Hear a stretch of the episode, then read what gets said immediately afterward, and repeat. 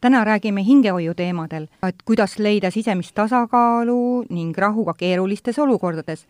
saates on külaliseks Toompea koguduse tegevpastor Ivo Unt ja diakon Anneli Raukas. mina olen saatejuht Juuli Nemvalts, tere tulemast! tere! tere! praegusel erilisel ajal on ühiskonnas palju määratlematut ja protsessid ei allu inimese enda tahtele. seetõttu on seda ärevust ja hirmu välja hakanud äh, tulema, esile kerkinud, milliste teemadega inimesed teie poole pöörduvad? jaa, need äh, samad äh, hirmud, ärevused ja üks muidugi põhiline asi, et inimesed, kes on kaotanud töö, inimesed, kes on hädas majanduslikus mõttes, need teemad muutuvad praegu hästi aktuaalseks ja teine, mis sa juba mainisid, hirm, teadmatus tuleviku ees, mis nüüd toimub, millal piirid lahti lähevad, millal kaubanduskeskused avatakse, millal elu läheb normaalseks, see hirm ja teadmatus on see, mis inimeste südametest praegu välja paistab et need on nagu kaks põhilist, aga muidugi ka, muidugi ka rahu, mis on kadunud. et see rahu puudumine, seda on nii selgelt tunda. et see, see nüüd lõpuks välja tulnud? See on jah, see on avalikuks saanud, et, et ja inimeste tegevusest see paistab välja, kuidas nad tegutsevad, mis nad räägivad, kuidas nad üritavad ennast kaitsta, mille eest põgeneda ja, ja kõik see nagu praegult tuleb ilmsiks. Kohe ma annan, Anneli, sulle ka sõna, aga et ma tahtsin veel juurde öelda, et et kas mitte ei ole nii, et praegult lihtsalt tuli see hirm ka välja, sest et ei saa ostlemisega või muu meelelahutusega seda kuidagi nagu ära ma ei tea, vaigistada või? just, et, et justkui pool maailma on nagu meie elust välja lõigatud, eks ole. me meil... seisame iseendaga tegelikult ju vastakuti. ma olen nüüd üksi kodus, ma olen mina, minu mõttemaailm ja võib-olla minu pereliikmed, minu lähedased ja, ja, ja meelelahutus, mida nii lihtne panna käima, eks ole, eh, kohad, kinod, eks ole, kus sa käisid, eh, pubid, baarid eh, ja, ja järsku sa oled nüüd nagu teises reaalsuses. kuidas sa toimetad Äh, on see, mis su sees tegelikult on aastatepikkuselt kogunenud juba mm. -hmm. Anneli, millega inimesed tulevad sinu poole, pöörduvad? No ma nimetaks lisaks veel kõigele sellele, mida Evo juba mainis, siis kindlasti on ka see üksilduse teema. Ja, ja kuigi ühtpidi jah, ütleme, et tänapäeva meedias me võime ju lugeda, on ju, et et paljud pered seisavad siis silmitsi sellega, et appi-appi, me oleme nii palju koos, on ju, pole harjutud nii palju koos olema, vanemad ja lapsed ja ja kõik, siis samas on ju teistpidi ka see läbilõigatus, on ju, kus ütleme, täiskasvanud lapsed ei saa oma eakate vanemate juurde või, või need, kellel kellel ei ole peret, kes on täiesti üksikud inimesed, et siin nagu see teema on ka väga jõuliselt esile tulnud, et kuidas tulla toime selle üksilduse tundega, selle läbilõigatuse tundega. Ennem veel, kui me lähme oma põhiteemaga edasi, ma tahtsin natuke veel uurida just ka enda ja kuulajate jaoks, et äh, teil on sellised põnevad äh, ametinimetused, et Ivo, sina oled tegevpastor ja Anneli, sa oled diakon, et mis see enda taga peidavad sellised nimed? no diakon tegelikult äh, tähendab, äh, kui me võtame kristlikus keeles või piibli mõistes, siis diakon on abiline ja, ja koguduse põhiselt siis äh, noh, ta abistabki, ta tegelikult abistab siis, mulle meeldib öelda, et ta on abiline oma pastorile, juhtkonnale, ta on nagu nii-öelda niisugune parem käsi, kes toetab, kes julgustab ja samas ka väga praktiliselt teeb siis erinevaid asju, et ühtpidi diakon diakoni ja pastori töö on suht sarnane oma olemuselt, et samamoodi sa suhtled, lävid inimestega, nõustad neid või hoiad nende hinge ja ka puhtpraktiliselt sa võid viia läbi, mul oli elu esimest korda, viisin läbi matusetalitust siin kuskil kolm nädalat tagasi. nii et kõik sellised enam-vähem samad asjad, mida pastor teeb, aga võib-olla mitte nii laiaulatuslikult, kui pastor seda teeb. aga mis on mitte pastor, vaid tegevpastor? jah, see on justkui nagu ettevõtte juhtimine, et on tegevjuht, et äh, kirikumaastikus võib ka sama väljendit kasutada. tegevjuht on see, kes siis on vastutav kogu selle koguduse juhtimise eest ja, ja äh, mis on tegevpastori roll, jah, piibli keeles on ta ülevaataja äh,, et ja siis ülevaataja abilised on diakonid äh, aga, aga see roll on jah, anda suunda esialgu, eks ole, visioon, kuhu me liigume selle kogudusega, mis, mis on meile antud see nagu tugevus, millega me peaksime nagu tööd tegema, et me ei hakkaks sadat asja tegema. teisalt kindlasti on meeskonna ehitamine, meeskonna varustamine, inimeste mobiliseerimine selleks tööks. et jällegi nagu ettevõtte juht, eks ole, sul on vaja meeskonda, tiimi, värvata inimesi, kes teeksid seda tööd, sest üksi ühe mehe bänd, see, sellega sa ei jõua kaugele, eks ole, võib ka teha, aga sa ei jõua kaugele. nii et eh, teisalt on see meeskonna eh, ehitamine, meeskonna mentordamine, pidevad kokkusaamised, nõustamised, eh, siis kindlasti on jutlustamine, kõnelemine, olla hääl, õpetada rahvast, karja juhatada nii-öelda. et, et see on ja väga suur hingekarjane ju. just, hingekarjane õpetaja, luteri kirikus kasutatakse vaimulik või õpetaja ja see õpetaja just on see, et sa, sa nagu õpetad seda karja, õpetad Jumala sõna ja, ja muidugi ka pastori ülesanne on tõesti, nagu juba eelpool mainitud, talitused, laulatused, matused ja ristimised, õnnistamised, laste õnnistamised nii et ähm, ja tegelikult see nimekiri läheb edasi, aga, aga need on nagu põhilised. Anneli ütles nii vahvalt siin algusel, tuli selline termin ka juba läbi, et äh, hing. et me ennem tegelikult seda eriolukorda väga ju ei rääkinud igapäevaselt äh, kuidagi sellises avalikkuse ees, et hingest. kui, kui oluliseks on nüüd tõusnud need hingega haakuvad teemad? no kindlasti olulisemaks võib-olla kui, kui eales varem, kuigi ma usun, et ta ühtpidi on alati oluline olnud, aga jälle seesama asi, et kriisiolukordades äh, paljud teemad, mida me kanname enda sees ja mida me peame oluliseks või millega me maadleme, need kriisiolukordades tulevad välja, mulle ikka kangesti meeldib see hambapasta tuubi näide, mida saab eriolukordades kasutada, aga et kui sa nii-öelda pigistad hambapasta tuubi, siis see, mis seal sees on, see tuleb välja. et samamoodi ka inimese sees, et jälle siin alguses oli juttu, on ju, et meelelahutus on ära võetud ja kõik meie see argipäeva nagu ka tormamine ühtpidi on ju meie tööl käimised, asjad, see kõik on praegu olnud nagu suht läbi lõigatud. ja inimene seisabki silmitsi siis nagu nii-öelda kõige sellega rohkem, mis on tema sees, ehk ka oma hingega ja sellega, mis ta hinges toimub. nii et ja ühtpidi on väga tore, et see olukord on nii, sest muidu need välised asjad tihti nagu summutavad ära kõik selle, mis meie sees on ja ja me kas ei mõtle või ei taha mõelda, mõelda nendele asjadele, aga vot kui olukorrad lähevad kitsaks, siis eks see tuleb sealt välja ja, ja ma arvan, on ülimalt oluline tegeleda ka oma hingega. Kui ma küsisin äh, ka seda, et mille, äh, millega kõige rohkem inimesed teie poole pöörduvad, siis tuli välja just see hirm, hirm üksinduse ees või hirm mitte olla armastatud, välja tõugatud, et äh, kuidas üldse sellise tundega toime tulla? jaa, hirm on reaalne kogemus. Ähm, Äh, aga samas äh, ta ei ole nagu nii võimas.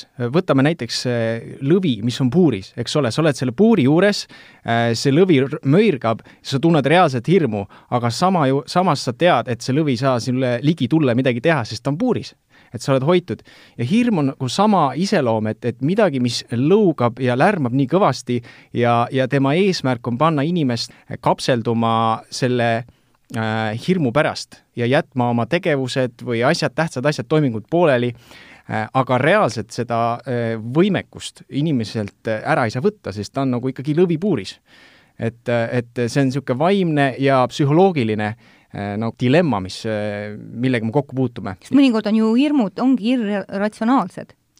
noh, loogiliselt äh, sa tegelikult, need asjad ei saagi juhtuda kõike, mida inimesed kardavad. jah, ülemõtlemine, äh, sa näed äh, pimedas nurgas kartulakotis, näed ohtu, eks ole, ja tegelikult on kott, eks ole, et noh, ülemõtlemine jah, see on tõsi, et äh, hirm on ühtpidi see tunne, ta on teistpidi see ülemõtlemine ja ja keegi on nii ilusti öelnud, äh, eks hirm, kust ta ikka tuleb, ta on ühtpidi tunne, aga samas ta tuleb mõtetest. et see tunne nagu ammutab või toitub ju mõtetest, mida me pidevalt nagu oma peas ketrame, oma südames ketrame.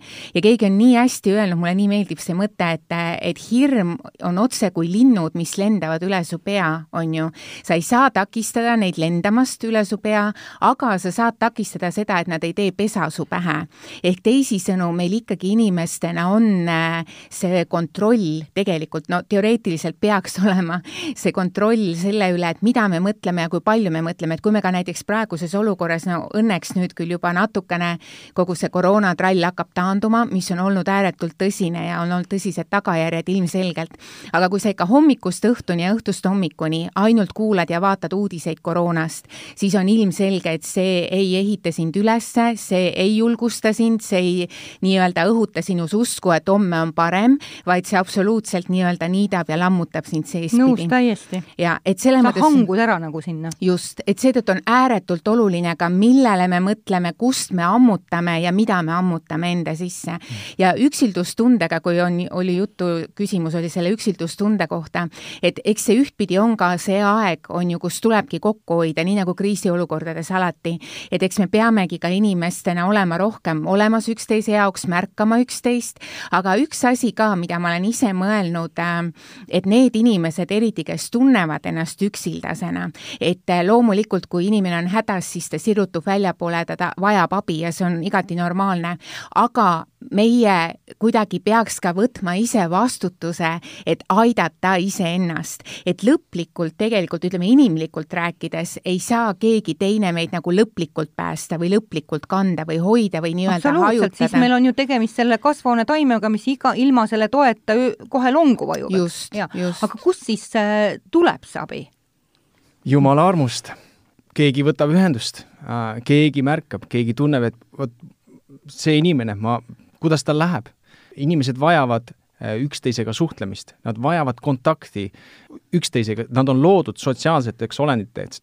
Äh, osad äh, vajavad seda vähem, osad rohkem, aga kõik vajavad sotsiaalset kontakti ja sellel ajastul praegu, kus me elame, sellel perioodil kindlasti sotsiaalne kontakt mõnede jaoks on läinud suuremaks, eks ole, pered eh, on koos, lapsed on koos, mõne jaoks on väiksemaks läinud ja, ja, ja siis need mõtted hakkavad kasvama, jah, see linnuparv lendab üle pea ja hakkab ehitama pesa, pesa kasvab, sinna tuleb puuoksi, juba hakkavad munema sinna ja, ja need mõtted kohjuvad ja järsku sa saad kokku ühe sõbraga, ühe tuttaga või keegi helistab ja, ja, ja räägib sinuga ära ja sa, sa mõtled, vau, appikene, kuhu ma oma mõttemaailmaga olin rändamas.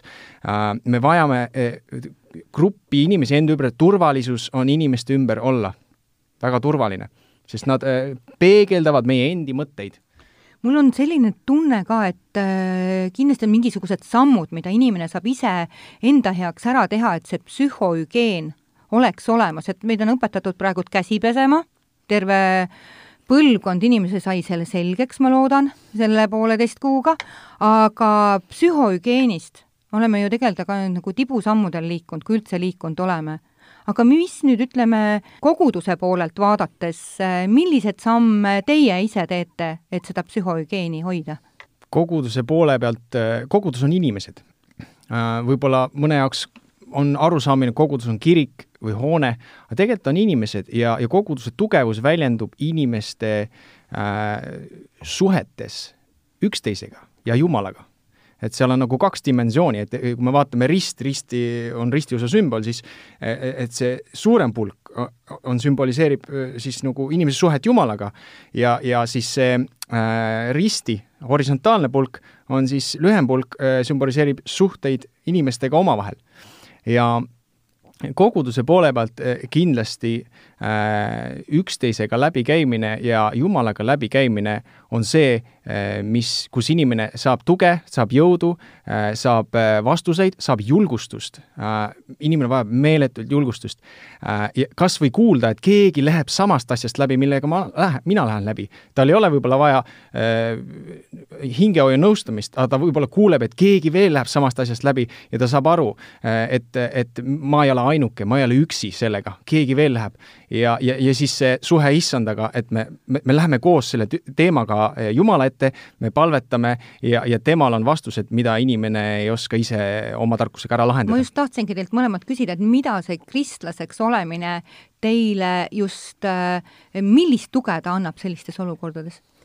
No rääkides just sellistest kriisiolukordadest, mis ei tähenda ju ainult, kriis on iga, me teame, kriis on nagu see, mis on muutus, niisugune mingi negatiivne muutus meie elus, eks ju, midagi, mis lööb meie nagu argielu rutiini või harjumused või asjad sassi.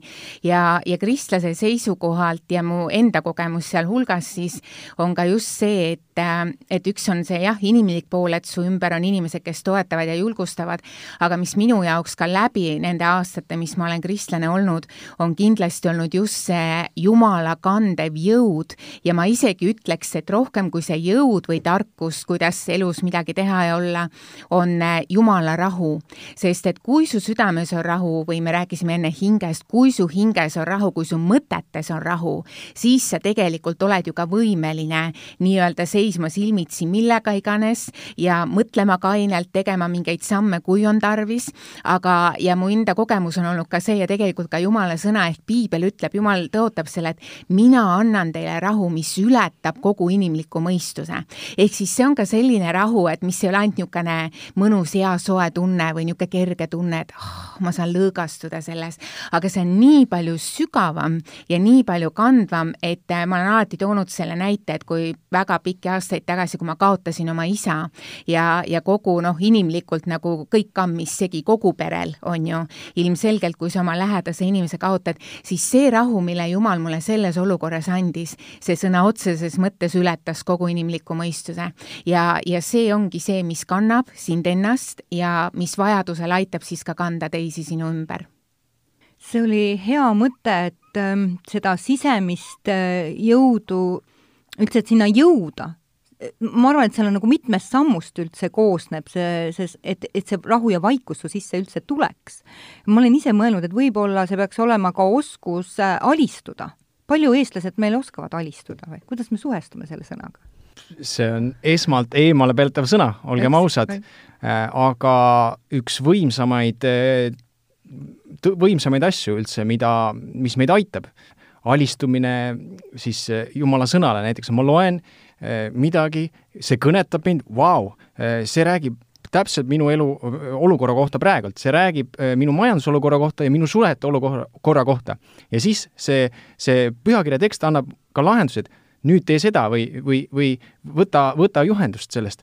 ja siis mul on sees küsimus, kas ma alistun sellele või ei alistu või ma lähen oma sitkuses, oma eh, jäärapäisuses või selles omas nagu tarkuses edasi, et ei, mina ise lahendan ära või ma alistun sellele eh, juhendile, mis pühakirjas on antud.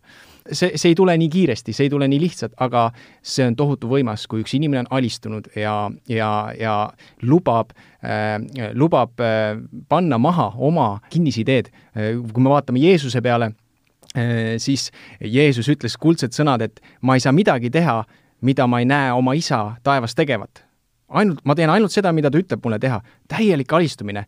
ja, ja see on minu arust inimkonnani jätnud alistumisest täiuslikku eeskuju et äh, kuuletuda oma isale, sest isa ju teab paremini. ta on näinud seda äh, loo lõppu, algusest lõpuni enne ära. miks ma ei peaks talle alistuma? miks ma peaks oma liivakastis siin äh, kõik ise välja mõtlema, kui, mu isa näeb lõppu ka, ta näeb kõike. ja, ja see on üks tarkus usaldada ja alistuda, et, et meie elu oleks hoitud ja ta ei peaks nii keerdkäike käima või võiks minna sirgjooneliselt. või nii ennast lõhkuma just mm, -hmm. just lõhkuma, punnitama ja siis avastama, et tegelikult äh, ei olnud ikkagi mõtet. Anneli ütles siin äh, kõige algusel ka, rääkis põgusalt palvest, aga mul on jäänud selline tunne, et äh, palvesse ei olegi võimalik minna, kui sa ei ole alistunud. kui sa ei ole nagu alistuva meelega mis iganes, kas me võtame palvet kui meditatsiooni või palvet kui appihüüdu, vahet ei ole või räägime üldse palvest enne kui me räägime palvest, siis ma tahaks lisada siia juurde nüüd seoses selle alistumisega, et äh, tegelikult äh, kuidas sa saad alistuda kellelegi või millelegi, kui sa tegelikult ei tea, kellele või millele sa alistud. ehk tegelikult seal selle alistumisega ka käib kaasas minu meelest vähemalt nagu kaks nüanssi. üks on see, sa pead siis teadma, sul on vaja teada, kellele või millele sa alistud, on ju. ja, ja kui me räägime jälle kristlikust vaatenurgast, me räägime Jumalale Jumalale alistumisest, siis see ei ole nii ja tegelikult Jumal ka kuskil piiblis nii-öelda ei löö rusikaga lauale, ütle, sa pead mulle alistuma ja nii on, on ju.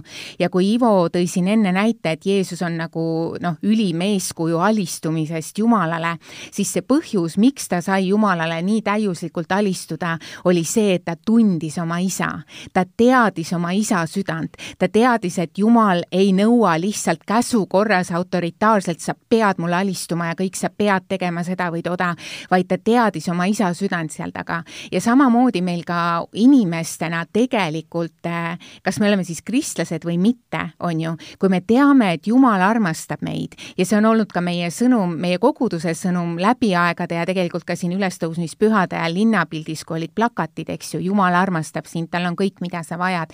kui me seda kuuleme ja kui me seda teame ja kui me sellesse usume, siis meil on, ütleme, me saame alistuda või meil on võimalus alistuda, see on meie otsus, kas me seda teeme või mitte.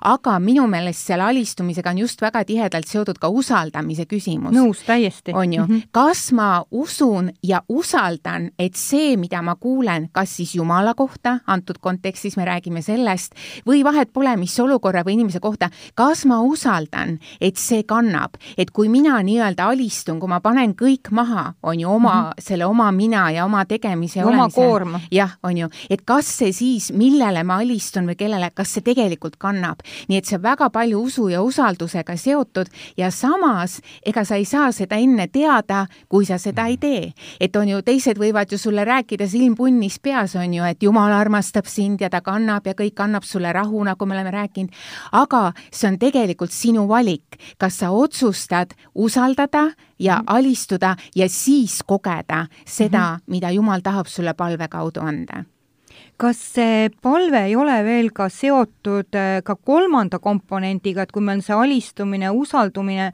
usaldus ja on ka tänulikkus? et ma ei ole rahulolematus, et ma ei ole see pidev, alati on vähe, alati on ebapiisav, oleks võinud veel parem. et see täitmatus mm, -hmm. et me loobume sellest. see on, see on atraktiivsus, eks ole, kui keegi on tänulik, see tõmbab inimesi ligi kui keegi on kogu aeg viriseb, midagi on kogu aeg puudu, siis pane tähele, sa ei taha selle inimese ligi olla. ja samamoodi on Jumalaga, et kui inimene on tänulik, see tõmbab Jumala ligi. ta nagu vau keegi, keegi, keegi tunnustab, keegi on rahul ähm, ja, ja see on niisugune atraktiivsuse tunnus. nii et tänulik meel äh, on tohutu eeldus, et äh, Jumalaga suhtes, ähm, Jumalaga suhe võiks kasvada, palve võiks kasvada kui, kui rääkida äh, inimestele palvest, siis äh, ma arvan, et on väga palju mm, noh, mingisuguseid pseudotõdesid, et kuidas see palvetamine siis peab käima, et kas see peab olema kodus põlvil oma voodi ees või tegelikult, mida me üldse loeme palveks? mis on palve? palve on suhe Jumalaga um,. ma ei, see ei ole selline nagu riitus või, või mingi asi, mis sa teed ära uh, ähm,, vaid see on nagu minu suhe abikaasaga, eks ole. meie suhe on kas lähedane või on kaugene. ja, ja kui ta on lähedane, siis, siis see on imeline. meie pere, kõik, kõik toimib hästi ja, ja, ja siis, kui see on väga lähedane, siis meil sünnivad lapsed, eks ole. suhte lähedus määrab ära meie perekonna viljad ja sama on Jumalaga, et palve on tegelikult aja veetmine Jumalaga äh, kus sa räägid, mis sinu sees toimub äh,, siis sa küsid mm, abi, jah, mul on see, see, see, eks ole, jumal, kas sa aitaksid, ja, ja siis nagu eelpool mainitud tänulikkus, ma ütlen, et ma räägin nendest tänulikkust ka, et jumal, tõesti, kas see oli sinu käsi või, või mis see oli, aga tead, äh, tänane päev oli täielik õnnestumine. ja, ja, ja tõesti, need asjad, need komponendid tõmbavad sinu, äh, sinule Jumala lähemale. ja ja ma julgeks öelda, et see on, see on suhe.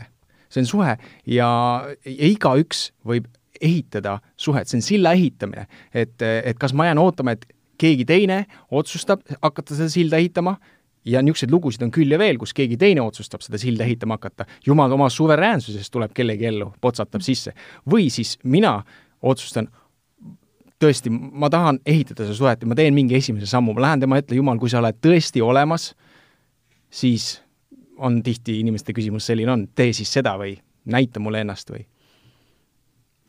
ma ise hakkasin mõtlema, et näiteks, et see inimene, kes on nüüd endaga võib-olla väga puntras ja ta ütleb, et aga mul ei olegi olla praegu tööd, mul ei ole olnud mingit eduelamust, mille eest ma veel tänulik olen? et kas ei ole mitte see ka, et otsida seda tänulikkuse neid punkte oma elus, et mille eest äh, me saame olla inimesena tänulik? Kohe kindlasti, mulle jälle meeldib, ma olen vot niisugune tsitaatide inimene, ma ikka väga palju neid, mitte ma ei otsi, aga noh, sa ikka näed neid sotsiaalmeedias ja niimoodi ja ja mulle väga meeldib see mõte, et kui sa täna hommikul ärkasid ja sul tõesti nii-öelda on veel hing sees, rääkimata sellest, et sul on katus pea kohal, leib on laual, riided seljas, siis tegelikult on sinuga väga-väga hästi, sest tuhanded inimesed täna hommikul ei ärganud enam. nii et kui sul ei ole mitte millegi muu eest tänada, siis eh, ole tänulik selle eest, et sa oled elus. noh, kõik on suhtumise küsimus, sa võid ju mõelda, kui on elu väga täbar, et aga mis ma üldse ärkasin, oleks parem, kui ma poleks ärganud. ma usun, et igal inimesel tegelikult on, tema elul ja olemasolul on tohutu väärtus ja iga inimene on ääretult, ääretult kallis ja oluline, sest muidu poleks teda siia ilma loodudki. nii et selles mõttes see tänu põhjuseid, ma usun, on alati. Eesti rahval on see ütlus, põhjuse leiab alati, see on küll ühes teises kontekstis, aga ma usun, et põhjuse leiab ka alati, et olla tänulik ja nii nagu sa ütlesidki, see tuleb lihtsalt siis üles otsida. aga kindlasti on kas või üks põhjus, kui mitte rohkem, aga ma usun, et tegelikult on isegi rohkem kui üks. võib-olla see harjumust ei ole mõelda seda, et meil ei ole seda mõttemustrit tekkinud, et me, et me oleme baasiliselt mm. tänulikud. jah, me ei oska jah, võib-olla isegi hinnata enam, et kui elu, elu on ka läinud sedaviisi, et kõik tahavad üha rohkem ja kiiremini, kõrgemale, kaugemale, eks ju, et me ei oska isegi hinnata enam seda nii-öelda tavapärast, aga samas kõik kõik see, mis on mhm. ülimalt oluline meie eluks ikkagi, mis meil on olemas. ja tegelikult nagu öeldakse, ega õnneks ei ole palju vaja, on ju. me arvame, et meil on õnneks vaja seda ja teist ja kolmandat, aga meil tegelikult just -hmm. just, aga tegelikult ei ole õnneks palju vaja ja, ja selles mõttes seda tänulikkust endas kultiveerida, see on ütlemata oluline lugu aga ikkagi, kui nüüd äh, meid kuulavad äh, inimesed, kes mõtlevad, miks ka mitte proovida palvetada, et Ivo, mida sa soovitad, et või, või kust alustada üldse, mm, väga lihtne. jumal, kui sa oled olemas, ma tahan tunda sind, ma tahan näha, kuidas taevaisa oma jõulise käega saab midagi teha. lihtsalt öelda neid asju, mida sa oskad öelda, pöörduda tema poole, paluda abi. jumala sõna ütleb, et eh, kes iganes hüüab appi issanda nime, päästetakse et, et Jumal on äh, korduvalt oma sõnas öelnud, et, et äh, ma hoolin sinust ja kui sa hüüad minu poole, ma vastan sulle. ta on näidanud oma huvi nõnda selgelt välja, et, et kui keegi vähegi pilgutab silma Jumala poole, siis Jumal tormab sada kilomeetrit tunnis, kui nii võib öelda, vastu et kui keegi astub millimeetri, siis tema tuleb kilomeetri sulle vastu. ta hoolib inimestest ja kui inimene pöördub Jumala poole, eh, siis eh, Jumal teeb kõik selleks, mis tema suudab ja noh, ta suudab, eh, et anda sulle märku, et ma olen olemas. mu naise ema kunagi palvetas, Jumal, kui sa oled tõesti olemas, siis päästa mu tütar ja see tütar oli siis minu abikaasa, kes oli siis äh, kuritegelikul teel, sõltuvustes ja nii edasi, ja emal oli tõsine mure, jumal, kui sa tõesti oled olemas, päästa mu tütar ja see oli see, mida mu abikaasa ema oskas öelda. Ja, ja mõne aja pärast äh, nad leidsid ennast ühes kursusest, kus räägiti ristiusu põhitõdesid. Ja, ja, ja veel mõned kuud hiljem siis see tütar äh, sai usklikuks ja, ja ta tõesti pääses kõikidest sellest, nendest seltskondadest, mis viisid ta allamäge ja, ja tema ümber tuli hoopis, hoopis teistsugune seltskond, mis, mis on siis usklikud, usurahvas. Ja mm, sealt palvetas ta edasi, Jumal, et nüüd saada minu teele õigel ajal õige inimene, kellega ma võiks abielluda ja täna ma olen Äh, oma abikaasaga olnud üheksa aastat õnnelikus abielus, meil on tütar, mina olen ka muuseas selle eest palvetanud ja, ja, ja ma olen lõpmata tänulik, et et Jumal teab täpselt, milline inimene mulle sobib ja millal on õige aeg. nii et ma ei pea kiirustama ja ma ei pea muretsema, et äkki kõigi nende miljardite inimeste seas ei olegi sellist inimest, kes mulle meeldib ja sobib minu omadustega. ja see on olnud võimas, võimas kogemus, et isa hoolib minust ja kuuleb mu palveid ja ta täidab minu vajadusi, nii et kui sul on vajadus, hüüa tema poole ja küll tema on Jumal, et vastab mm. -hmm. just, ma tahakski öelda, et tegelikult ei ole palves äh, midagi keerulist. et inimesed, nii nagu paljude muude asjadega, võib-olla mõtlevad üle ja muudavad selle millekski väga müstiliseks või millekski. ja nagu me siin ka enne arutlesime, et äh, enne saadet õigemini, et jah, Jumal ühtpidi on äh, suur ja püha ja ta on kõikväeline Jumal ja, ja selles mõttes ka me ei pea teda kartma, aga on soovitav, et me läheneme talle aukartusega. aga ta on ka meie taevane isa, ta on meie armas armastav isa ja see, kas meie tunneme teda või mitte, tema tunneb igat ühte meist. ja selle koha pealt, kui me ka lähme siis palves tema ette, kui sa enne küsisid, et noh, kas peab voodi ees põlvili olema, nii ma vahel ikka teen nalja, et pakk herneid ka kõrvale, et veel põlvede alla, et siis on püham ja aulisem. aga tegelikult me võime palvetada kus iganes, millal iganes ja tõesti minna Jumala ette nii, nagu me oleme. et me ei pea valima selles mõttes sõnu, vahel inimesed ütlevad, mitte kristlased, aga ma ei oska palvetada, ma ei tea, mida öelda öelda. ja mina olen tihti öelnud ja me kogudusena samamoodi, et sa lihtsalt, nii nagu meie täna siin suhtleme või sa oma sõpradega suhtled, sa räägid vabas vormis, ei ole vaja mingeid erilisi sõnu või midagi. ja, ja Jumal tõesti on lähedal ja neid näiteid elust, kus tõesti inimesed on pöördunud, nad isegi ei ole võib-olla kindlad, kas Jumal on olemas, aga just seesama, et kui sa oled, siis palun, on ju, aita mind või tee seda või toda, on ju, ja, ja Jumal on väga võimsalt nii-öelda heas mõttes sõitnud inimeste ellu sisse ja, ja väga väga võimsalt ilmutanud ennast ja nende elud on peale seda totaalselt saanud muudetud. nii et tegelikult äh, see asi on palju-palju lihtsam, kui me inimestena arvata võime ja, ja seda enam äh, tasuks seda praktiseerida. ja tõesti, nagu juba räägitud, mitte ainult selleks, et oma pika nimekirjaga tulla, on ju, jumal, mul on seda vaja, toda vaja, on ju, ja kui sa ei vasta, siis järelikult sind pole, aga, aga lihtsalt ka tänu tundes juba tõesti selle eest, kes sa oled, et sa üldse oled, et sul on eluõhk sees, on ju, kogu see täius ja ilu, kui me vaatame loodust, jälle tänu selle koroonatralli tõttu, kui palju meil on ühtpidi olnud võimalus käia looduses, mitte et seda enne ei olnud, aga ütleme, sundseisus see on ainuke koht, kuhu sa üldse oled saanud minna. vaata päikeseloojanguid, mis ükski õhtu ei ole üks ja sama. mine jaluta metsas või kuskil, see võtab täiega hinge kinni, see on lihtsalt nii täiuslik ja nii ilus. ja ma olen vahel mõelnud, et kuidas on võimalik äh, mitte uskuda, et Jumal on olemas. kui sa vaatad ühte täiuslikku päikeseloojangut kogu selle erinevas värvikammas ja kõiges, see on lihtsalt enneolematu. et tegelikult neid võimalusi, kus ja kuidas palvetada kõige lihtsamal moel on, on rohkesti. sa võtsid, Anneli, mul just sõnad suust eh, sellega, et tõesti, et inimesed on hädaolukorras varmad äh, palvest abi otsima, aga kui mul ei olegi sellist pakitsevat probleemi, et kuidas siis äh, igapäevast elu endal saata kontaktis või saata mööda just kontaktis olles nagu loojaga? et kuidas, mis siis on nagu palves? Jaa, aga sa saad samamoodi, selles mõttes, kui sa hommikul silmad lahti teed, eks ju, e, kuidas keegi jälle tahab, aga iseenesest ei pea ju voodist tõusmagi, sa oled oma padjakaisus seal, aga samal ajal südame kaudu, eks ju, sa ütledki, Jumal, ma tänan sind selle alanud uue päeva eest. ma tänan sinu armu eest, et ma võisin ärgata, jälle nagu me enne rääkisime. ja, ja kristlastena me ka sageli, me lihtsalt palume selle päeva Jumala kätte, me palume tema õnnistust ja kordaminekut selle päeva üle. ja pastor Ivo siin, tema sageli meie kogudust julgustab julgustab ja on ise super eeskujuks selles, et ta ka palub võimalusi Jumala käest, et see päev lihtsalt ei lähe nii-öelda korda või et tööd ja tegemised ei saa tehtud, aga et seal oleks ka midagi märkimisväärset, kas mingeid tähendusrikkaid kontakte inimestega, kus ta saab aidata kedagi, rääkida kellegi ellu, palvetada kellegi eest, kellel võib-olla ongi mingi häda või vajadus, et, et me ka ainult eh, ei elaks iseendale, aga et meie elul oleks üks kaal ja väärtus ka laiemas mõttes, sest et eh, kui me elame ainult iseendale, siis see on suht ma ütleks, vaene ja kitsalt elatud elu. et, et tõesti nagu, aga kõige lihtsam, paluda see Jumala kätte ja vaadata, kuidas Jumal tõesti juhib ja hoiab. ja õhtul, kui magama heidad, siis öelda ka aitäh selle eest.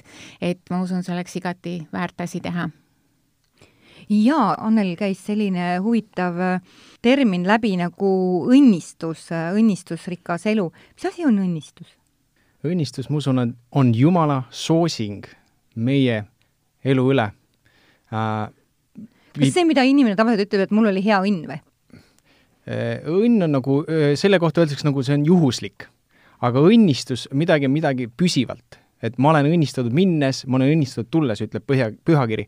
ja õnnistus on, äh, kui me räägime majanduslikust õnnistusest, noh, mul on kõik vajadused kaetud, õnnistus, seal on teatud valem, eks ole, kes külvab, see lõikab eks ole, usaldage see Jumala kätte ja tema kannab hoolt ja, ja piibel räägib ka eh, sellest hoole kandmisest eh, sellises metafooris, nagu ma eh, rohu eest ja lindude eest taeval kannan hoolt, palju ma veel enam siis inimeste eest kannan hoolt, sest inimesed on veel väärtuslikumad, enam väärtuslikumad. ja õnnistus on midagi sellist, mis on Jumala soosing meie üle kogu aeg, pidevalt, igal pool, igal ajal ja, ja Jeesus on öelnud ka, et ma olen teie ligi, ma olen teie juures kuni ajastu otsani. vot see on õnnistus, eks ole. Eh, kui tuleb kriis, kui tuleb sõda, kui tuleb eh, rahu, eh, ebakindlad ajad, ta on meie kõrval. ja see on minu arust õnnistus, teadmine, et issand on meie kõrval, Kristus on meie lähedal ja ta on kättesaadav, kui ma hüüan tema poole palves meil hakkab nüüd äh, saateaeg äh, ümber saama.